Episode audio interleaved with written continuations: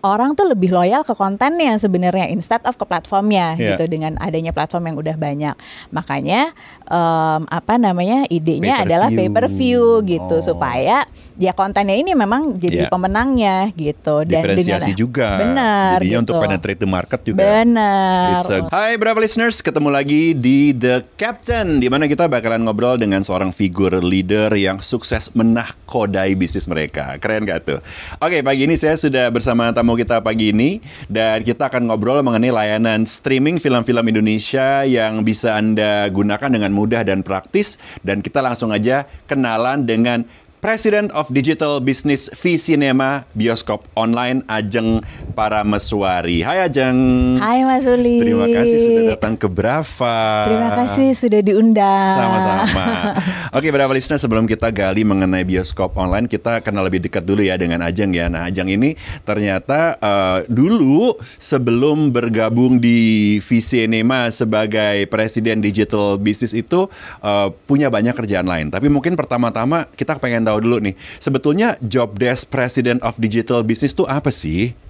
Wow, kayak kayak interview HR Kayak ya. ya? Eh, job desk-nya itu sebenarnya Oh, oh. kalau dari sisi, misalnya kalau dari bahasa manajemen ada Iya. yang namanya POAC gitu kan. Apa itu? Planning, Planning, organizing, uh-uh. um, actuating, Actuating, controlling. Apa controlling, sih yang oke. di POAC itu? Itu strateginya in order untuk menjalankan visi perusahaan. Baik. Itu kan satu gitu. Iya. Dari sisi fiscal obligation-nya itu kita bertanggung jawab untuk PNL. Yang penting PNL. jangan PNL uh, profit and loss, Profit jangan and sampai loss. rugi gitu mohon, ya mohon, kan. Mohon maaf gitu ya. Bukan orang korporat. terus terus. Terus udah gitu dari sisi operationnya Operation, ada ya. juga untuk em, apa memban apa menjalankan perkembangan operationnya juga. Oke. Kemudian apa lagi ya dari sisi external relationship tentunya kan Oh, em, ini posisinya cukup eh, bisa dibilang mewakili perusahaan Iya. gitu. Jadi bagaimana kemudian kita bisa berkomunikasi dengan eh, dan menjalin relationship dengan eh, pihak eksternal, Eksternal. pemangku kebijakan Iya, misalnya uh, supaya Pemerintah gitu ya? Eh, enggak seharusnya Oh, enggak pemerintah ya, sih. tapi pokoknya pemangku kebijakan aja tapi gitu ya. pokoknya untuk em, apa namanya membantu positioning Hmm, perusahaan. dengan Nah, media. Dengan media Iya, oh, gitu kan. biasa. pemangku kebijakan media. Oh iya benar-benar. Banyak ya kerjaannya ya berapa listeners ya. ya kurang lebih kayak gitulah. Oke, eh, Mas Uli. in general kira-kira seperti itu gitu, ya. gitu. Nah, eh, kalau kita hasil riset nih Brava listeners, Ajeng ini lulusnya dari eh, Pajajaran dulu, ya kan, Bandung kan, Iya. baru terus melanjutkan di University of London ya. Di aku di Royal Holloway. Lo- Royal Holloway, University of oke. London. Jadi Oke. Royal Holloway itu gabungan dari University. of Berapa lama? Berapa lama Em, di mana nih? di eh, di eh, di Londonnya? Kalau di Londonnya itu aku kuliahnya sendiri satu tahun, tapi aku sempat kerja di sana satu setengah tahun. Jadi in Hmm. total tahun dua ya? setengah tahun. Oh oke. Nah kuliah dulu, Hmm. ini pertanyaan pertanyaan banyak orang yang eh, pengen tahu nih hubungannya antara dunia kuliahan dengan kerja gitu ya. Pada akhirnya dulu kan kuliah di Bandung, kuliah di London, itu seberapa kepake sih di kerjaan itu ilmunya?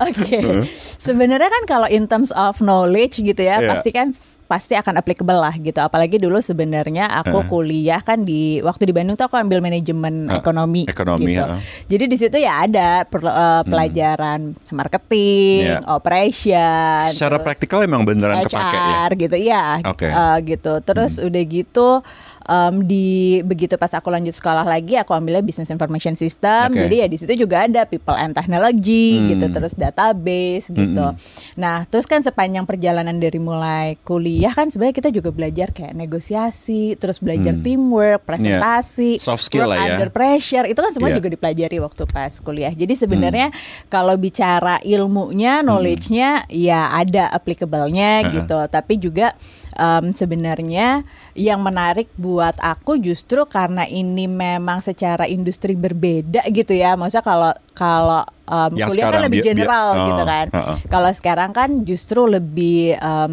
industri film tuh kan very spesifik gitu Iya. kan kita kerja sama orang-orang yang memang passionnya di situ Iya. gitu jadi buat aku it's not only at um, something new gitu everyday untuk uh, my knowledge gitu, tapi juga work with the patient people gitu Yeah. sehingga uh, enthusiasmnya itu yang uh, pull the switch sih Hmm. gitu. Karena sebelum terjun ke dunia film sesungguhnya Ajeng cukup lama juga dan di berbagai bank ya di dunia Iya. perbankan kan. And then dari perbankan terus tiba-tiba ke fi- perfilman gitu. Nah itu eh, gimana ceritanya sih sampai akhirnya pindah haluan dari perbankan ke perfilman?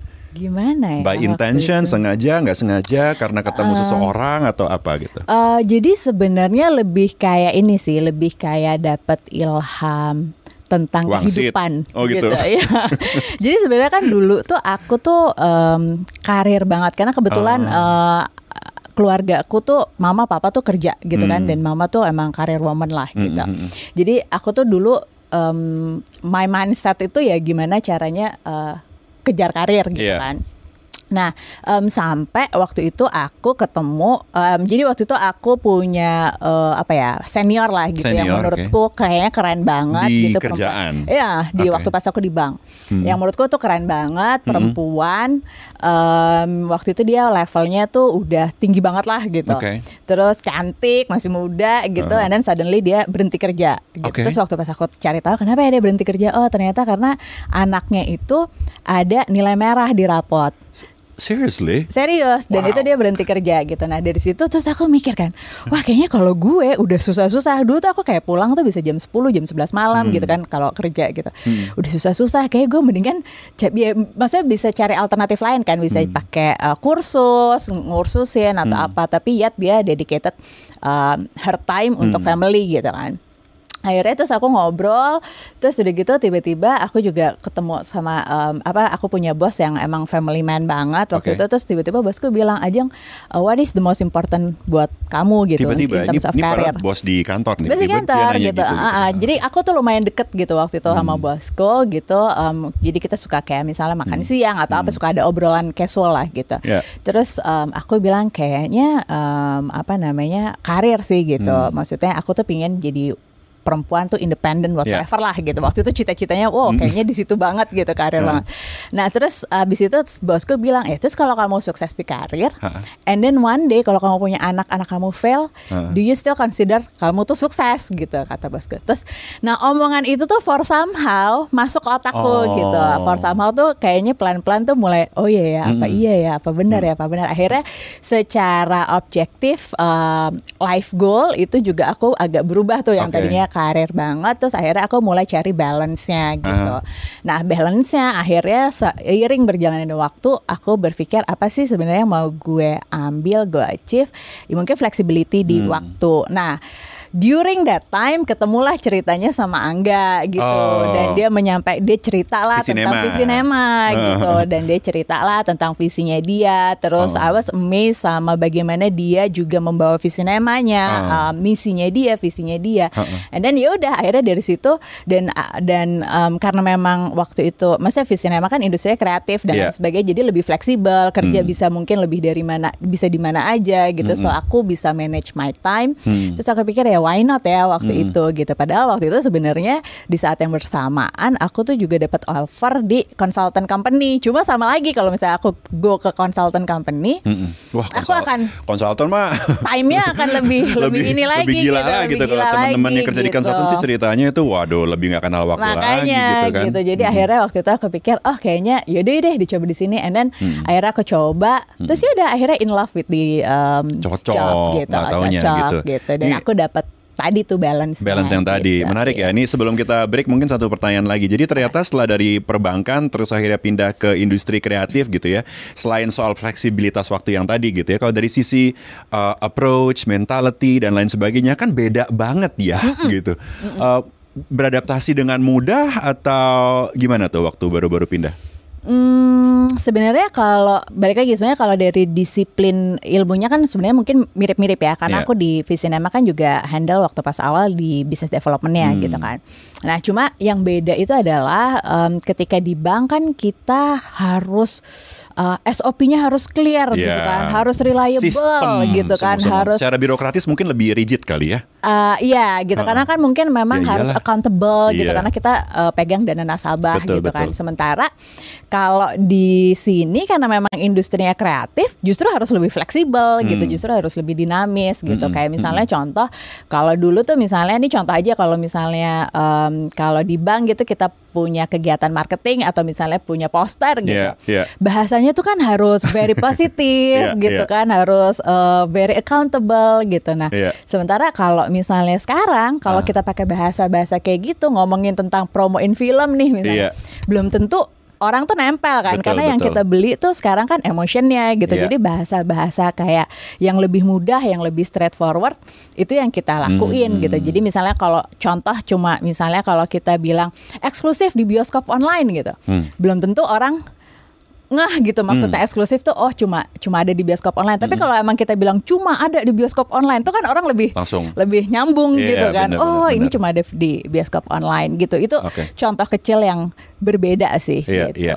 Kan tadi Ajeng udah cerita nih pada Valinus mengenai uh, dulu sekolah di Bandung, terus di London, uh, bisnis di perbankan, terus akhirnya belok ke perfilman dan sekarang di bioskop online. Nah ini buat beberapa Valinus yang belum tahu gitu ya, bioskop online itu apa sih?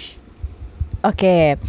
Jadi sebenarnya bioskop online tuh transaction video on demand platform. Susah nggak? Transaction video on demand on platform. demand platform. Wah, Nah, sebenarnya itu kan definisi ya, Ya, itu definisi definisi defini- bisnisnya ya. Oke. ah. Sebenarnya kalau biasa itu disebut TVOD. Nah, Ya. TVOD itu apa sih gitu ah. kan?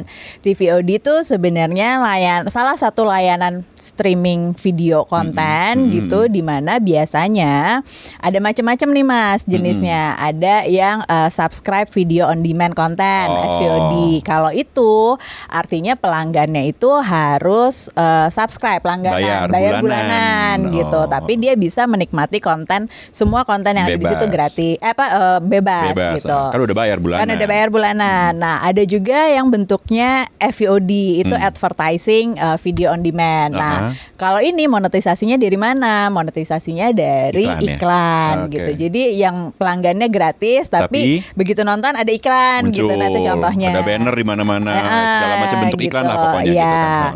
Nah, kalau kita itu transaction video on demand. Basisnya apa? Basisnya pay per view. Jadi uh, pelanggan kita kalau mau nonton uh, satu konten gitu, satu Iya. film gitu, ya dia cukup bayar satu film aja gitu, nggak ada Ah. iklan.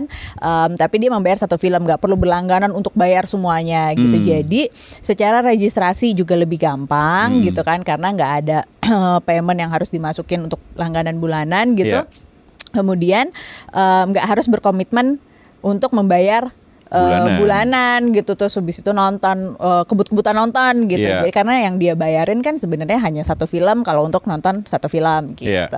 Itu Oke. eh, bioskop online. Nah, Mhm. eh, bedanya bioskop online sama yang lain apa? Tadi Iya. gitu secara model dia eh, pay per view Pay per gitu view, kan. heeh. Kemudian yang kedua em, kita itu fokus di eh, film Indonesia Film Indonesia only. only, gitu. ya. Jadi nggak ada nggak ada film lain selain film Indonesia. Nih? ada. Semuanya, Indonesia. Indonesia Wow. gitu. Karena kita believe di uh, lokal konten sih Mas Hmm. gitu. Kenapa kita believe di lokal konten? Karena ya itu uh, Indonesia tuh kan banyak banget. Indonesia tuh luas banget ya Iya. kan. Kita punya ribuan suku. Mm-mm. Kita punya 700 bahasa gitu. Masing-masing suku punya ceritanya masing-masing gitu. Iya. Jadi kalau bicara storytelling tuh kita udah nggak ada habisnya deh. Itu Iya. itu resource yang nggak akan ada habisnya gitu. Jadi em, storytellingnya banyak. Kita batik aja, batik kaung, batik sudoluhur, batik parang aja punya ceritanya masing-masing kan gitu. Nah em, jadi resource-nya banyak, talentnya juga banyak gitu. Sekarang bagaimana kita bisa memanfaatkan Hmm. talent itu gitu Hmm. dan resource itu gitu. Makanya kita believe banget di uh, Oke. lokal content. Jadi ada idealismenya juga gitu ya Ada, dalam ada. dalam. It's like uh, sebenarnya uh, menarik ya tadi cerita mengenai uh, benar Indonesia tuh punya banyak sekali cerita, punya banyak sekali story, banyak sekali inspirasi yang ada di kultur kita. Jadinya preserving culture ya sebenarnya ya Benar, melalui uh, film-film Melalui Indonesia film. yang ada di sini gitu Iya, kan. betul. Oke, berarti film Indonesia itu film-film dari kapan nih? Uh, hanya misalnya tahun 2000-an aja atau film-film kayak gimana sih? Yang ada di bioskop online. Iya. Banyak mas. Kita itu em, sekarang bahkan kita lagi ada eh, program eh, nostalgia film terbaik. Itu NFT. film-film iya NFT. Itu Iya. film-film Indonesia klasik sampai film hari ini. Oke. em, itu ada di bioskop Seklasik online. apa sih kayak di video? Seklasik manusia 6 juta dolar Manusia 6 gitu. juta dolar. Eh, punyanya eh, dulu pemainnya Dono Kasino Indro ampun. gitu ya kan. Terus? Em, ada Naga Bonar Ih, gitu. Harus Terus, nonton Naga Bonar bagus. Naga Bonar yang pertama itu- berarti ya? Iya kan, gitu. yang, itu kan uh, klasik banget klasik kan banget, gitu. Terus ya. kita ada misalnya di tengah-tengah kita ada uh, berbagi suami, ada ada uh, tiga hari untuk selamanya. Hmm. Yang masih inilah ya kayak di uh, awal-awal industri film uh, Indonesia mulai bangkit Mulai lagi, bangkit, mulai banyak film-film yang gitu, seru-seru ha-ha, gitu kan. gitu, sampai- sampai yang sebelumnya pada masa kan ada masa-masa kayak kemasan film Indonesia kan. Kalau yang zaman dulu banget tuh ada juga ya. Iya Ih, gitu. seru ya. Sampai yang hari ini pun juga ada gitu. Hmm. Film pendek ada, film dokumenter ada,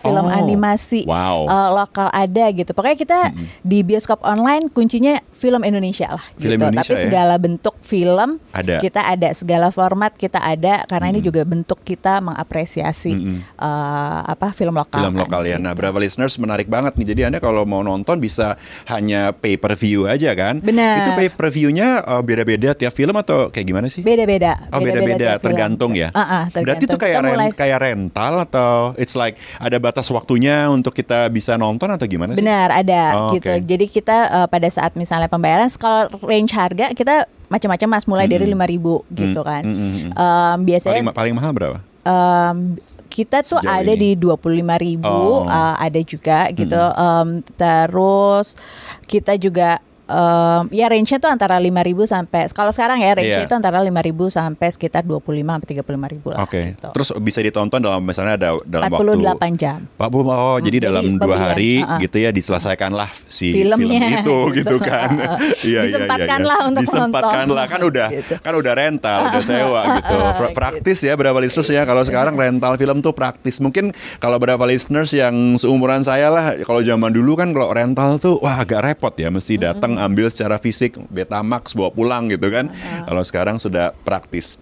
Nah, boleh cerita nggak sih proses pendirian bioskop online itu seperti apa dan memang dari proses awal didirikan sudah dipikirkan bisnis model seperti yang tadi diceritakan atau ternyata bisnis model itu juga berkembang sejalan dengan eh, perkembangan eh, waktu dan juga situasi yang ada. Oke, sebenarnya proses awalnya itu sebenarnya the idea of business online itu benar-benar datang pada saat pandemi, mas. Oh gitu. Uh, jadi waktu itu mm, Itali lockdown, Iya. Kita kumpul gitu ya, Angga eh, apa ngumpulin gitu kita semua terus udah gitu kita Hmm. berpikir bagaimana strategi ke depan gitu kan. Eh, Ini udah jalan nih bioskop online sebetulnya. belum, belum, Atau belum, belum, sama belum, sekali. belum. Jadi Waktu itu jadi, jadi at eh, that time di eh, di produksinya gitu ya, produksi visinemanya gitu. Ah, waktu itu kan kita masih eh, di Visionemanya, terus belum ada ide- jadi eh, ya sempat beberapa kali ada Iya. terlintas oh streaming plat, Iya. eh, streaming Tapi platform. Angga sih gitu. emang visioner ya. Iya. Dia tuh emang kayak selalu selangkah di depan gitu loh. benar benar Heeh. benar. Terus terus. Nah, abis itu waktu itu karena Italia lockdown, so we know um, apa namanya bahwa ini akan nggak akan cuma sebentar nih Iya. pandemi gitu. Ini akan lama gitu dan akan hit industri film Iya. gitu kan. Nah, waktu itu bioskop tutup gitu. Hmm. Terus akhirnya kemudian kita harus apa gitu Iya. kan. Kemudian uh, kita mau ke mana gitu. Hmm. Kemudian uh, karena bioskop tutup dan bioskop itu jalur distribusi yang utama gitu Betul. um, dan revenue stream yang utama kita gimana caranya untuk bisa buka revenue stream lagi gitu Iya. kan. Nah, em, akhirnya tercetuslah ide eh, ini layanan Hmm. streaming gitu dan waktu itu kita melakukan visibility study dulu mas Hmm. gitu jadi sebenarnya pada saat kita ini punya the idea secara gitu ini ya, Kalau Angga kan kayaknya apa-apa data. Datanya gimana nih data gitu Iya. kan. Nah, terus terus. gitu nah kita waktu itu visibi- visibility study em, sebenarnya eh, isu apa sih yang mau kita solve gitu Mm. kan sebenarnya bisnis kita nih mau menawarkan em, solusi apa Mm. gitu kan nah em, akhirnya salah satu findings kita adalah oke banyaknya talent Mm. kemudian banyaknya cerita gitu sebenarnya banyaknya bakat Mm. tapi mereka nggak punya kesempatan yang sama untuk showcase talentnya mereka gitu Iya. kan karena kompetisi dan lain Iya. sebagainya jumlah layar juga walaupun udah naik tapi compare to penduduk kan juga masih jauh gitu rasionya kan ya. rasionya masih Mm, jauh mm, gitu mm. nah eh, akhirnya waktu itu eh, inilah eh, yang mau kita jawab Hmm. inilah solusi yang mau kita tawarkan gitu Hmm. jadi kita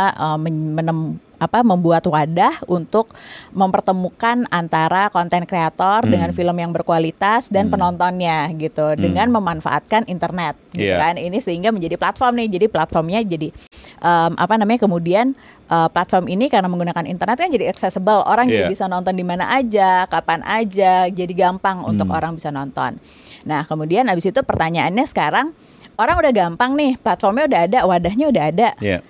Eh, caranya gimana biar orang mau nonton kan Iya. gitu kan akhirnya go to marketnya apa gitu nah go to marketnya kita sadar betul bahwa eh, platform itu udah banyak Iya. ya kan waktu itu kan platform sebenarnya udah banyak gitu jadi em, dan akhirnya kita berpikir bahwa ya kalau misalnya kayak Mas Uli misalnya udah punya dua platform gitu kan Hmm. kalau untuk nambah platform lagi jadinya kebanyakan untuk Iya. langganan kan Iya. gitu jadi akhirnya kita berpikir orang tuh lebih loyal ke kontennya sebenarnya instead of ke platformnya Iya. gitu dengan adanya platform yang udah banyak makanya em, apa namanya idenya Pay adalah view. pay per view gitu Oh. supaya ya kontennya ini memang jadi Iya. pemenangnya gitu dan Diferensiasi dengan, juga. benar Jadinya gitu. untuk penetrate the market juga. benar It's a good untuk- strategy. Iya Oh. gitu dan dengan pay per view kan sebenarnya juga jadinya lebih lebih murah ya buat kita. Hmm. jadi bisa lebih affordable gitu karena orang tanpa harus berlangganan yang uh, cukup mahal bisa nikmatin semuanya ini dengan bayarnya per sachet gitu kan Hmm. istilahnya Iya. jadinya lebih affordable buat orang-orang akhirnya karena emang lebih affordable harapannya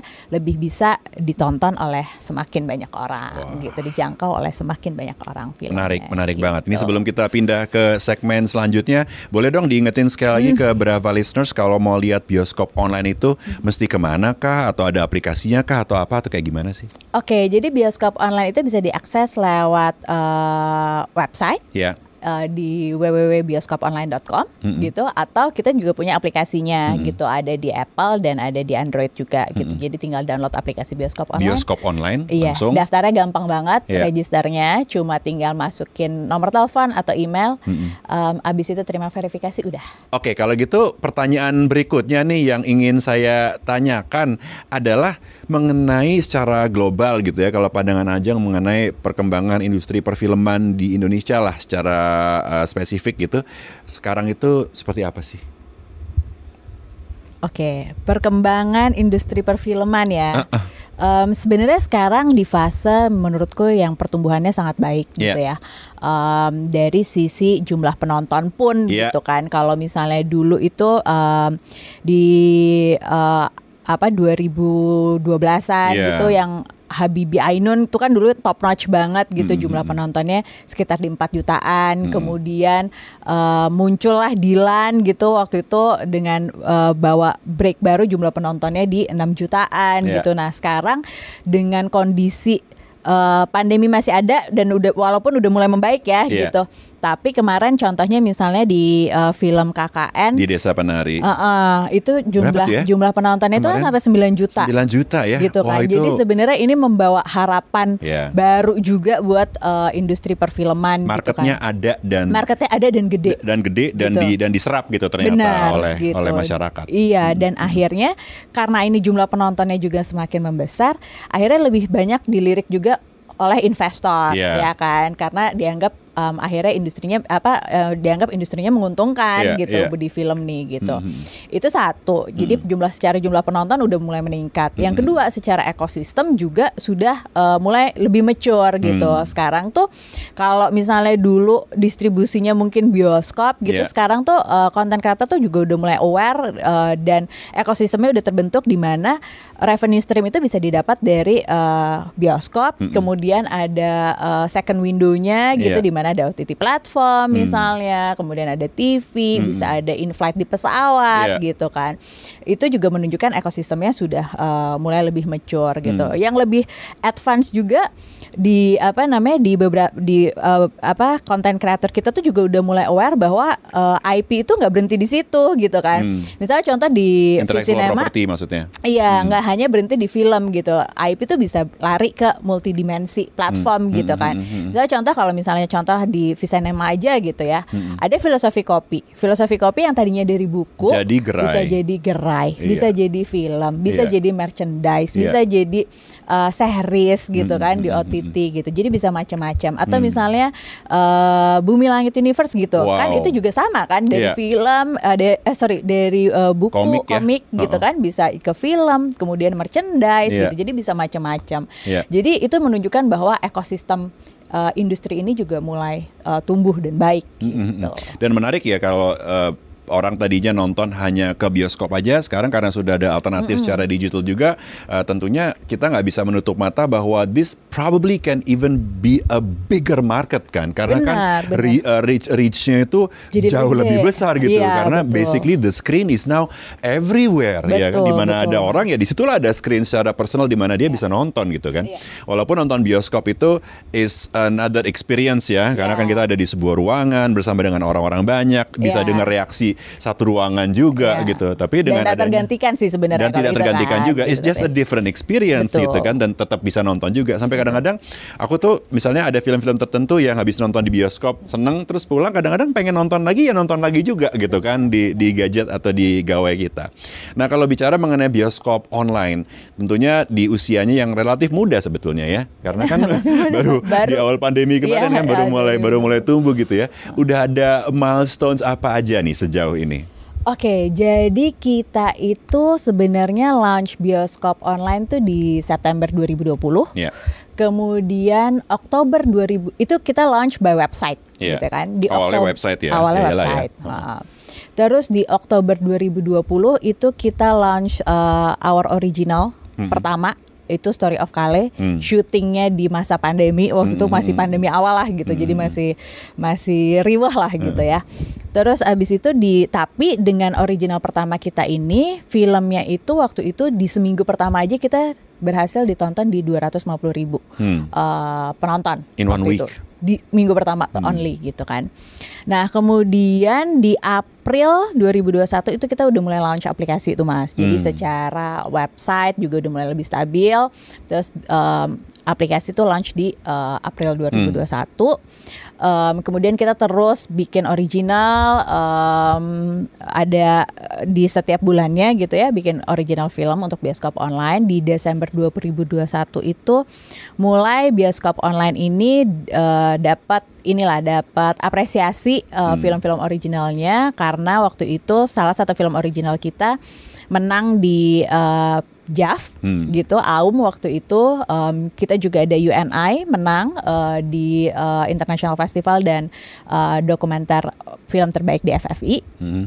Terus akhirnya ini juga membawa ini juga membawa semangat gitu ya buat Iya. kita. Jadi filmnya nggak cuma misalnya ditonton banyak orang, tapi juga diapresiasi oleh eh, apa namanya beberapa eh, apa wadah penghargaan gitu. Jadi ya berarti kita bikin film bagus lah gitu kan. Yeay. Kualitasnya bagus kan gitu. Terus Ha-ha. udah gitu em, hari ini bioskop online itu sudah di download di sekitar satu juta. Ini per tanggal 17 Juni, Juni, ya, berarti jadi ya. kurang Oke. lebih satu tahun lah ya. Satu tahun, tahun eh, aplikasinya di, udah di download di satu juta. Eh, usernya itu di sekitar 1,2 juta. Wow, keren ya. Lumayan ya. Congratulations ya. Terima kasih. Nah, eh, tentunya kalau tadi kita bicara mengenai milestones, mengenai pencapaian, kalau kita building something, apalagi yang bisa dibilang bioskop online ini lumayan breakthrough ya, karena kan ketika lagi eh, pandemi di mana semua orang mikirnya tiarap, mereka malah tumbuh dan berkembang itu sebuah prestasi yang luar biasa. Tapi pasti ada challenges yang dihadapi juga gitu kan. Nah, ternyata apa sih challenges-challengesnya yang eh, bisa dibilang cukup signifikan dan cukup besar gitu yang dihadapi? Em, kalau bicara streaming platform gitu ya, tentu em, sekarang tuh challengesnya sa- yang paling besar tuh adalah pembajakan. Hmm. ya kan gitu Em, pembajakan tuh ya salah satu challenge lah yang Yeah. cukup besar gitu buat Yeah. kita gitu kan Em, eh, ya saat ini tentunya dari bioskop online ya kita melakukan em, satu dari segi security platformnya kita Yeah. perkuat kemudian abis itu kita juga bekerja sama dengan beberapa pihak untuk em, apa mengatasi pembajakan Hmm. dari sisi eh, apa namanya edukasi juga kita melakukan edukasi ke eh, pelanggan kita untuk Yeah. menonton film yang Hmm. eh, berbayar gitu nggak nonton film bajakan gitu tapi um, from the very basic gitu aku juga bilang sama teman-teman bahwa let's not fokus on the problems Yeah. gitu. Just focus to your customer gitu. Yeah. Karena it doesn't matter misalnya bajakannya luar biasa banyak gitu, tapi kalau misalnya kita memang fokus di customer dan kita tahu tap in yang mereka ya kita fokus aja di situ Hmm. gitu supaya uh, penjualannya kita jauh lebih tinggi daripada uh, pembajakannya kan iya. gitu kan Uh-uh. gitu. Itu uh, kalau dari sisi uh, strategi untuk challenge-nya gitu. Mhm. Kemudian yang kedua another challenge juga adalah eh ya kayak tadi aku bilang ini kan platformnya udah banyak ya sebenarnya Yeah. layanan streaming tuh banyak gitu. Nah pertanyaannya adalah how can we stand up among the crowd kan Yeah. gitu. Terus eh, Dengan gimana- diferensiasi tadi. dengan diferensiasi tadi Hmm. akhirnya gitu. Nah em, yang kita pertahankan dan yang kita apa namanya yang jadi kekuatan kita adalah Hmm. bioskop online itu benar-benar 100% lokal Hmm. gitu benar-benar karya anak bangsa nih gitu Mm-mm. ibaratnya kan Mm-mm. jadi benar-benar dari mulai development eh, timnya Mm-mm. eh, engineeringnya eh, tim promotionnya Hmm. resource-nya filmnya produknya semuanya lokal gitu kan semuanya Indonesia. Jadi kita sama-sama benar-benar punya semangat nggak cuma ini sebagai diferensiasi produk tapi kemudian bagaimana kita punya semangat yang sama untuk membangun industri film lokal Eh, itu tadi gitu. Yeah. Jadi ya akhirnya semuanya tuh jadi punya jadi punya ini loh Mas, jadi punya spirit Yeah. yang luar biasa gitu untuk eh, membangun industrinya. Menarik banget ya berapa listeners kalau dari ceritanya Ajang tadi kita bisa ngerasain juga gitu bahwa uh, not only bisnis tapi ada idealismenya juga ya. Jadinya ada apa ya? Saya sih sampai ngerasa seperti ada sense of purpose juga gitu ya Benar, dalam benar. menjalankan ini gitu Benar, untuk benar. timnya gitu. Itu luar biasa banget sih. Ini mungkin pertanyaan terakhir sebelum kita ke segmen selanjutnya, Hmm. what's in the back for the future sih untuk uh, bioskop online? Eh, rencana ke depannya yang jelas tetap eh, terus konsisten untuk mendukung eh, perfilman Indonesia gitu ya. Em, kemudian salah satunya juga kan kita bekerja sama dengan FFI nanti jadi eh, di Festival Film Indonesia Untuk, untuk, viewingnya ya. Ah, ah, gitu. Em, kemarin kita juga eh, udah announce gitu. memudahkan juga ya karena teknologinya kan emang ada gitu. Jadi jadi bisa di provide Benar, memudahkan untuk benar. FFI-nya juga. Betul Heeh, gitu. Hopefully ya gitu. Em, itu eh, satu gitu untuk terus mendukung perfilman Indonesia. Hmm. Kemudian juga yang kedua untuk em, kita bagaimana si em, platform kita ini lebih bisa user oriented sih Hmm. gitu. Jadi lebih dekat ke eh, pelanggan kita gitu, Yeah. lebih mudah ke pelanggan kita. Jadi kita akan terus eh, develop supaya aplikasinya update lebih update update terus Iya. gitu ya. Oke. supaya lebih gampang lah buat Supaya lebih gampang, pelanggannya. user friendly gitu Benar, kan. gitu. Oke. Apa tiga film Indonesia yang menjadi favorit seorang Ajeng dan kenapa film-film itu yang dipilih untuk menjadi favorit? Oke, susah nih pertanyaannya. Em, aku suka Iya. film Cahaya dari Timur. Cahaya dari Timur. itu Ah. yang film tentang sepak bola itu bukan sih? Iya, Iya kan. Heeh. ah, filmnya Angga juga sih, Mm, oh iya, sama baik. Ciko Oh iya. eh, pemainnya.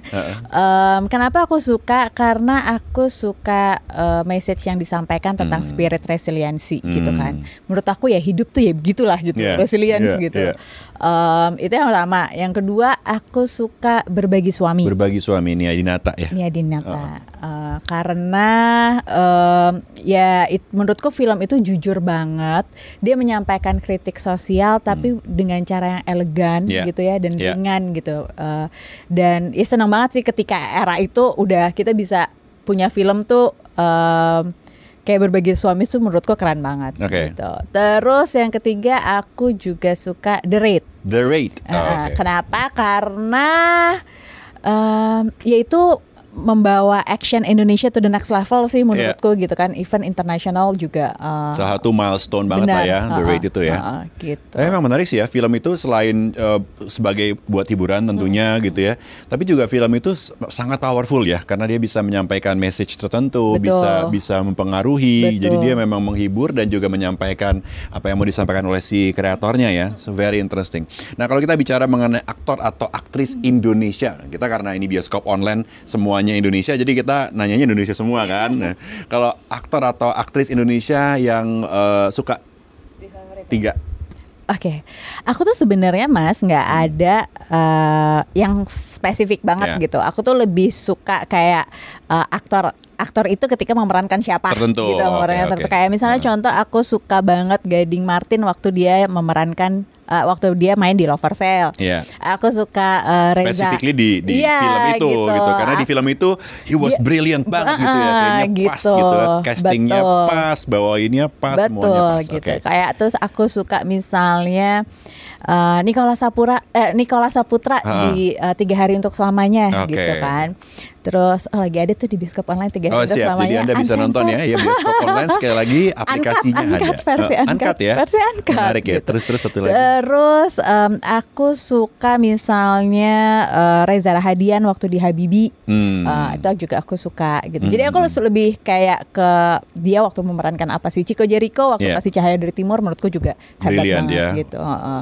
Very good Gitu. answer banget. Menarik nih berapa listeners karena jadinya spesifik ya, bukan cuman figur dia sebagai aktor aja, tapi ketika dia lagi di film apa membawakannya seperti apa. Nah, eh, sutradara. Nah. Satu udah pasti ya saya tahu ya. Oh, Ya, iya, yang, iya, yang dua iya. lagi gitu. Yang ya. dua lagi, Eh, coba, oke, tapi oke. boleh disampaikan ke beberapa Eh, listeners. Oke, aku suka juga eh, Mas Garin. Oh gitu, oke. Eh, Mas Garin Nugroho aku suka banget. Mm-mm. Eh, Kenapa? eh, menurutku dia eh, dia legend sih gitu Iya kan. Dia sih. apa namanya? Dia tuh bisa punya beragam beragam genre Ya. gitu ya. Menurutku dia berani eh, push to the limit gitu ya, Mm-mm. eh, Mas Garin tuh. Terus? Kemudian aku juga suka Gina Esnur. Ya. Aku suka juga gitu karena Gina Es karena Gina Esnur ya ya mungkin kan dia juga dari tadinya kan eh, apa eh, bercerita kan lewat Ya. skrip gitu. Jadi menurutku dia punya dimensi bercerita yang untuk semua gitu. Ya. Jadi selalu kalau kita nonton film-film dia tuh ya ada sisi lucunya, ada sisi harunya Hmm. gitu. Terus udah gitu em, Indonesia gitu. ya? Iya, Iya kan? gitu. Dia kayak bisa Deket gitu bisa rasanya. menangkap banget Bener, gitu ya. ha-ha. Ha, Jadi terus, kayaknya terus. tuh kalau nonton film ini tuh deket gitu. Terus? Em, aku suka Nia Dinata karena Oh, oke. berbagi suami awalnya Iya, gitu. benar-benar benar. Ya, oh gitulah. Angga Sasongko juga aku suka Pastinya. gitu. iya. Tapi ini semua Anda bisa saksikan karya-karya mereka-mereka yang hebat-hebat ini di bioskop online ya. Bisa, bisa. Jadi tinggal meluncur Bisa, aja ke bisa. bioskop online. Ada dalam bentuk aplikasi juga eh, di eh, App Store dan di Play Store dua-duanya ada. Dan yang menarik adalah kalau bioskop online ini seperti tadi kita udah bahas, dia pay per view ya. Jadi Anda nggak perlu subscribe, tinggal ya film yang Anda mau tonton itu aja yang Betul. di pay untuk ditonton. Ada program menarik apa lagi nih di bioskop online? Kita sekarang itu ada program namanya eh, bioskop online Weekend Nomad. Oke. Ya, gitu. Jadi kalau dulu kan Nomad tuh hari Senin gitu Iya. kan. Kalau sekarang kita bikin weekend kita bikin Nomad aja. Ini gitu. pas Kalau- banget nih karena sebetulnya waktu lagi kosong tuh weekend, Weekend. iya kan? Bener-bener Gitu. bener. Terus? Nah, em, weekend nomad nih biasanya kalau misalnya nonton film beli satuan itu misalnya ada lima ribu, ada yang sepuluh ribu. Di weekend nomad itu kita eh, ada tiga film sepuluh ribu Hmm. gitu. Jadi event makanya jadi nomad banget lah. Super reasonable banget ya tiga film Gitu. sepuluh ribu ya. Benar Oke. gitu. Sama kita Terus? juga ada eh, paket NFT. Ah. Jadi kita bikin paket untuk film-film nostalgia tadi Nostalgia. gitu. NFT itu apa sih?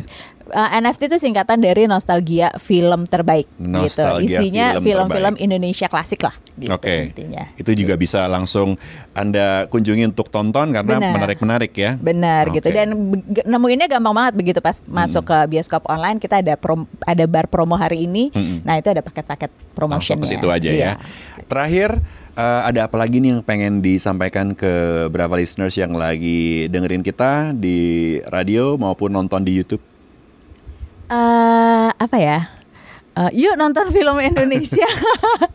yuk nonton film Indonesia karena film Indonesia sekarang tuh udah bagus-bagus banget. Hmm. Ya. Em, apa namanya? eh, ceritanya juga menarik banget gitu dan obviously karena memang eh, kita kan orang Indonesia ya Betul. gitu. Jadi yuk kita bantu eh, industri perfilman Indonesia juga. dengan menjadi konsumen yang baik. Stop pembajakan ya. Jadi langsung Betul nonton aja, banget, ya betul kan? Oke. banget. Wow, Ajeng terima kasih banyak untuk waktunya hari ini. Eh, kita di Brava senang banget bisa ngobrol-ngobrol sama Ajeng. Terima kasih Mas Uli. Dapat banyak terima kasih. pencerahan selain kita jadi tahu lebih dalam mengenai bioskop online juga seperti apa film-film Indonesia. Kita juga dengar cerita Ajeng tadi mengenai bagaimana ceritanya uh, adventure-nya lah ya dari dunia perbankan kemudian ke dunia film seperti apa. So we feel like we learn so much from you. So thank, you for Thank you for juga, being Afen. here. Thank you udah diundang. Dan Bravo Learners, demikian obrolan kita hari ini bersama dengan President of Digital Business Visinema Bioskop Online, Ajeng Para Meswari. Uli Hardi, for the Captain. Listen to Brava Radio, the smoothest sound on radio. Download our mobile app on Play Store and App Store or stream via bravaradio.com.